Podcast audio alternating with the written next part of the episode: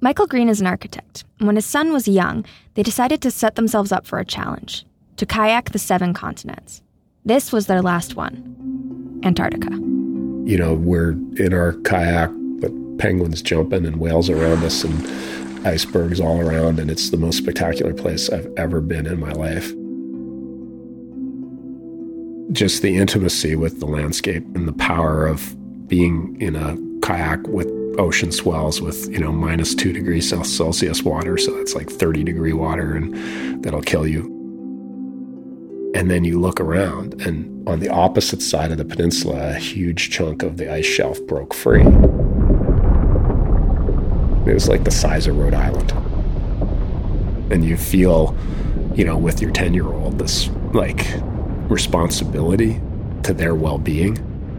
And you know, that responsibility, you know, to keep them out of the water at that moment was in many respects in my mind, you know, equal to the responsibility of thinking about the idea that my son someday or my daughter might be sitting in a kayak in this same place and be staring at bare rock instead of ice.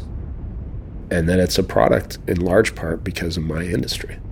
You know, that changed me a lot. So Michael Green came home and shifted the focus of his architecture firm to work against climate change. I'm going to make this a focus of my career. I'm going to try to do better. And he did.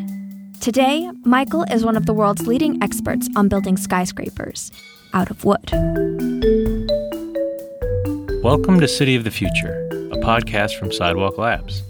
Each episode, we explore one idea or invention that could completely transform our cities. I'm Eric Jaffe. And I'm Vanessa Quirk. And today on our show, we're exploring the innovation that will make wooden skyscrapers possible mass timber. This is the world's tallest wooden building. The tree is the tallest Tokyo wooden building. Tokyo may soon in be the home world. to the world's tallest wooden skyscraper. 10 stories high, 14 stories high. 18 stories, Brock Commons will be the tallest wood building in the world. Tall wooden buildings, they're happening all over the world. But why now? After all, wood is one of the oldest building materials around. So to understand why, we have to go back in time. All over the world, there were big city fires a century ago. We didn't really have fire standards back then. Most of the cities in the US and Canada, they had a great fire that completely changed the nature of the city itself. You know, often what was happening is windows of one building would face windows of another, and the fire would leap out one window into the other. So, this was also a time when cities were booming. People were moving from the country into the city because of new factories and new jobs. And so we were building really, really fast. But we definitely didn't want these buildings to catch on fire again. And so we just kind of abandoned wood and moved to steel and concrete and assumed that was the only path forward. And we're realizing now that the mistake we've made has obviously had a huge impact on climate change and using materials that are massive energy consumers and we could have done something, you know, with a renewable resource like wood instead.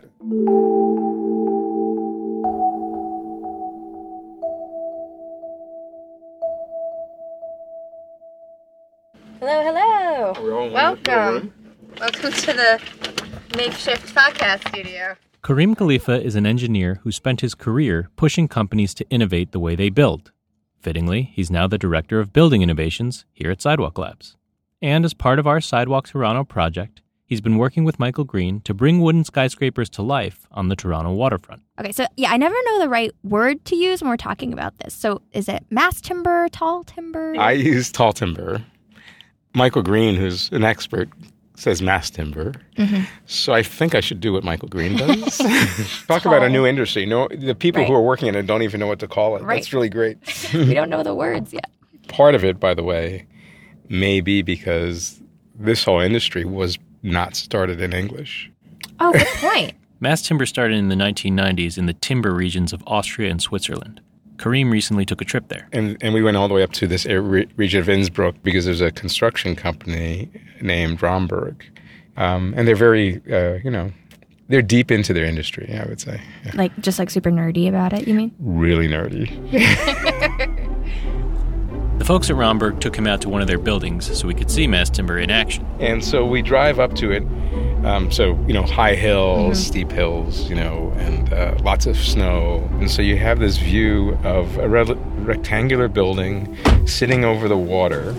And part of the building is actually on stilts. Um, so it's actually almost cantilevered into this reservoir. And we assembled the building in 30 days, working days, in six weeks. And you walk up, and of course, you're, you're greeted by two giant wood doors. And as you look around, everything has been done in wood, almost everything, I would say. The staircase was made out of wood, the floorings in wood, the ceilings in wood. Nice, really nice space. And then you have a 270 degree look across the lake. Big, beautiful windows, man. Wow. You know, it was kind of breathtaking, actually. If you go higher, this building, this Cree system is designed for 40 stories. It's really, You can build three, four stories. really nice. You couldn't walk into this building without a smile. These buildings are beautiful. Yeah. This isn't a big, tall, spectacular building. This is a five story building that feels spectacular, right? Yeah. So yeah, th- what is the innovation that makes this possible? I mean, is it what makes it different from just regular normal wood? Structurally, it's really how all these panels are engineered and designed. There are columns going all the way up through each of the five floors, and those are cross laminated. Uh, yeah, can you explain what that means? Like, what does it mean to have a cross laminated piece of wood? So, laminating is taking two pieces and putting them together to create some new property. So, um, the laminations that we see all the time is the window windshield of your car. So that has a plastic lamination in between two pieces of glass. Oh, I didn't know that. If it were to break, and if you've seen a, a broken windshield, it doesn't fall all the way through. It sits somewhere in the middle. So when we talk about laminations for wood is how can two pieces of wood help each other? So the, the strength of a grain is across the grain and through the grain. Mm. And each one of those pieces of wood that they're laminating is angled at a different direction. So we have strength in each direction. So by by laminating, by sticking all these pieces of wood together in a factory, that's how you create this super strong wood. Yeah. When they're all mated together, you have all the directions that you need for that beam to do its job inside the building. So yeah, what are what are the implications for for the the construction site and the construction industry? So manufactured buildings, uh, there's a big benefit whether we manufacture them in any material. Um, reduce the amount of workers on the construction site and put more of them into a factory environment. Right. And then and then once it leaves that factory and it does get to the site, it's just simple assembly at that point. So all those materials get stacked up, they get identified right where they go. And then at the site you have a crane with wood. It's going to be a lighter piece than some of the other pieces, so the crane is smaller. And those people on site, there's only a handful of them now, and they're assembling almost an entire floor of a building in a day. So of course, there's not any cutting or anything like that on the site. You have less machinery, so you make you have less noise. You just have this crane putting the panel into its position. It's being fastened, usually using hand tools. You don't have dust. You're not grinding things down. You're not, you know, making any of that type of uh, pollution on the on the job site. And they go up really fast. So people who that neighborhood has to experience disruption for a much shorter period of time, with less noise and less dust. A floor a day. I mean, I'm obviously not a construction worker, but that seems incredibly fast. hmm And I mean, from what I understand from talking to Kareem, it's because it is like simple assembly. The construction worker knows this piece goes here, this piece goes here, and it's just sliding it in like Lego bricks. Or like my IKEA furniture. Uh huh. Exactly. Except you don't need the really frustrating little tiddly bits. Yeah, I'm just kidding. I don't have IKEA. furniture. All right, but how tall are we talking when it comes to these towers? Pretty tall. There's already one that's 18 stories in Vancouver. Um, and Michael Green thinks we could go super tall, like 100 stories, or even the Empire State Building kind of tall. We've proven actually you could have built the Empire State Building entirely in wood at 102 stories tall. The entire thing could have been built in wood. Um, I can't even believe that. yeah, so people can't, right? So, you know, we did it as a theoretical exercise because obviously no one's asked us recently to build that building, but it's cool to think that it could have been. The Empire State Building was part of the skyscraper race of the 20th century. So it's pretty neat that we're kind of entering our own skyscraper race of the 21st century. And according to Michael, the skyscraper race is actually pretty key, but not for the reason you might think. You know, we've been trying to encourage in ways the this kind of race for the top, right? This race for height. And when you see a building that gets built at, at 20 stories or 30 stories, it takes away the public's fear of 12 stories. It's easy to design and build these buildings, and they're totally safe. It's easy. What's hard is to change the public's perception of what's possible. More people are living in all wood buildings, including skyscrapers made entirely of timber. But critics worry timber buildings could go up in flames. Some fire experts are raising alarms. Fire experts are raising alarms. Wood could fuel an inferno that firefighters can't fight. Critics say it's the towering inferno waiting to happen. Everybody thinks they're the first person to come up with towering inferno. Towering inferno. Right, that movie from like the 1970s. It's out of control. They think that's the, the funny first line, right? And some people get super angry about the idea of building a wood building. The emotional response is just sometimes just so strong for some people, right? And you just have to remind people how fire works. Yes, wood burns, but everybody knows that if you take a big log and throw it on the fire and take your match and try to light it, that it can't you can't get it to start on fire.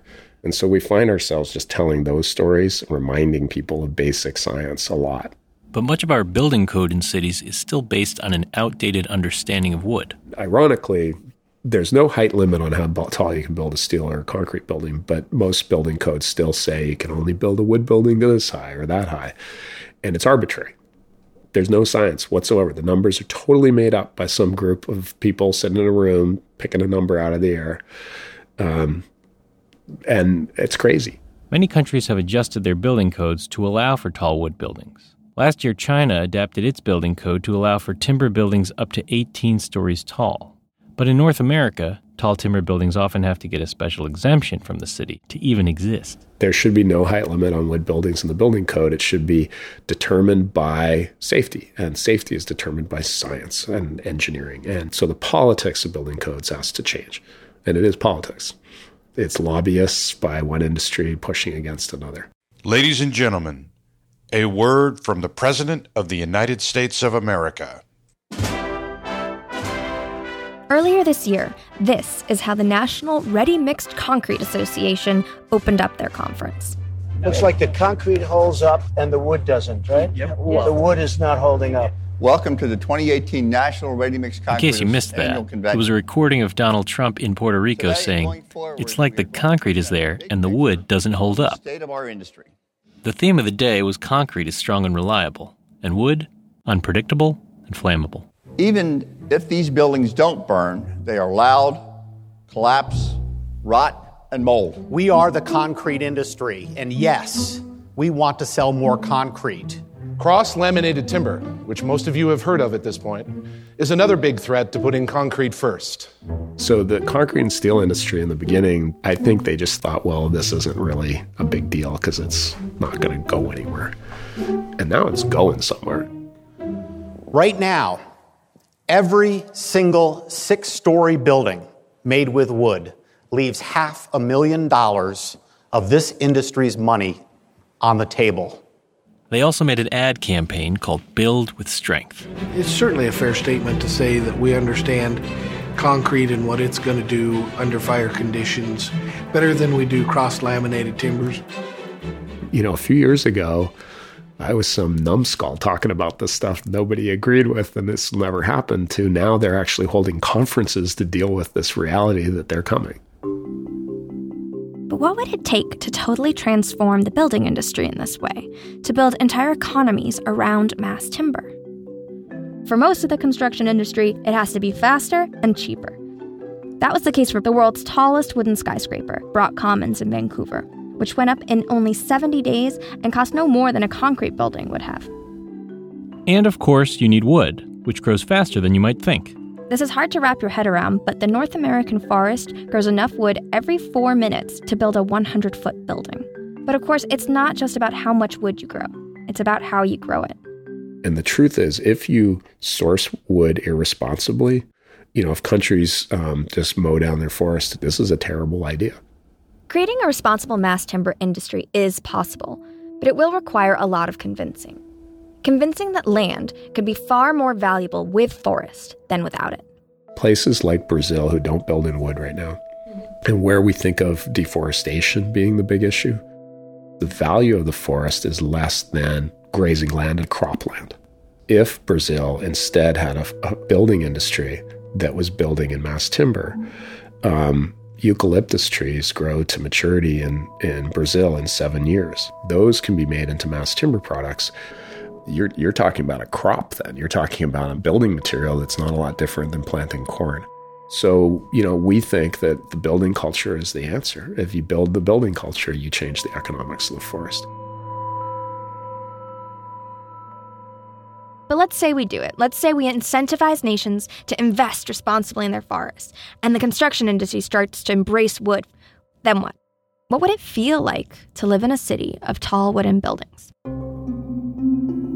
It's um, David Attenborough that talks about the idea that you know a small child will turn over a rock that they find and underneath want to and look for the little slug or the little you know creatures living underneath it. But that as we go grow older we we no longer are so prepared to turn over the rocks and find these creatures and we become more and more disconnected from the wilderness around us. And therefore we don't develop public policy that's as connected to the wilderness and, and, and nature around us and the only way we reverse that trend is by bringing nature back into the cities and reconnecting people Michael envisions his kids walking around future cities and seeing nature everywhere. Plenty of parks, green roofs, plantable balconies, and of course, wooden buildings. The one thing I'm most proud of, though, is the fact that we were told that this wood building movement would never go anywhere. We were told not long ago, man, six, seven years ago, we were still told this was a crazy idea. And now we can clearly do it quicker than we ever imagined. It's not it's not impossible. And um, um, it's it's a good feeling to know that's true.